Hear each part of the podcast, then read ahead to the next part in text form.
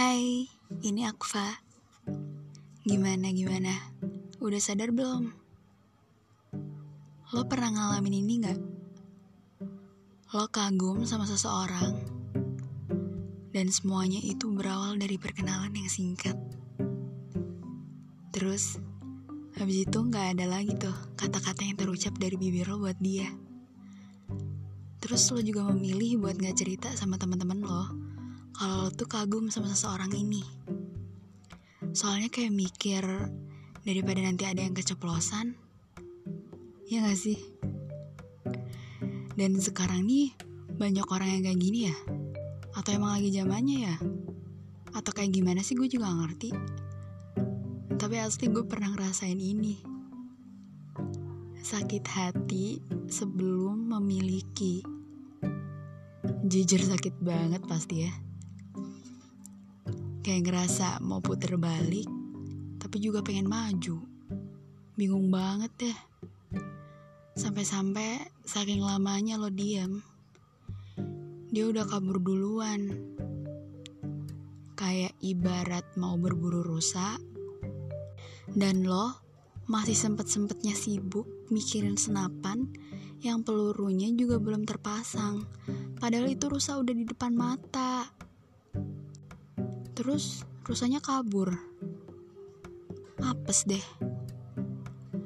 Atau lo malah keburu ilfil karena terlalu lama merhatiin dia dan ternyata dia itu gak sesuai sama ekspektasi lo.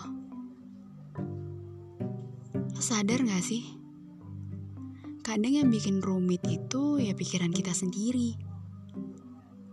Karena kita tuh punya dua sisi yang harus kita dengar. Dan sialnya, mereka nggak bersahabat dengan baik. Yang pikiran lo minta inilah, yang perasaan lo minta inilah. Pokoknya otak sama hati itu beda aja gitu jalannya. Sampai raga kita tuh kayak bingung mau jalan ke sebelah sana atau yang ke sebelah sananya. Coba lo pikirin. Yang nyakitin lo tuh orang lain atau malah pikiran lo sendiri. Karena emang gini sih, di diri kita itu ada madu sama racun. Dan bodohnya, kadang kita salah makan. Kita malah ambil racun itu. Yang mungkin si madu ini adanya di dalam diri kita banget ya. Dalam banget.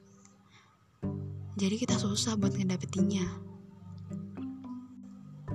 Yang dulunya ada perasaan yang pernah hinggap, tapi sulit untuk beranggap. Dan raga ini tetap ingin berbuat, ingin dekat sama dia, ingin ada di sekelilingnya. Tapi perasaan lo masih sama aja. Sama aja gak bisa ngejawab itu semua. Sampai akhirnya lo itu berada di waktu lo menyesali semua kelakuan lo sendiri. Dan penyesalan itu terus semakin berkembang, semakin besar. Dan ini nih yang gak lo sadarin. Lo itu udah bersahabat sama luka. Udah tahu luka itu perih, sakit, malah dipegang-pegang mulu. Ya biarin aja ntar juga sembuh sendiri. Udahlah, kalau garisnya kalian bakal jalan bareng, ya nanti bakal dipersatukan.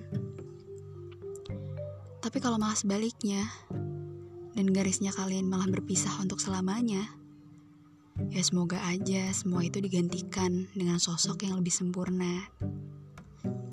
Eh lupa, manusia kan gak ada yang sempurna ya. Ya, tapi setidaknya ntar bakal digantiin lah sama sosok yang lebih tinggi beberapa level dari orang itu.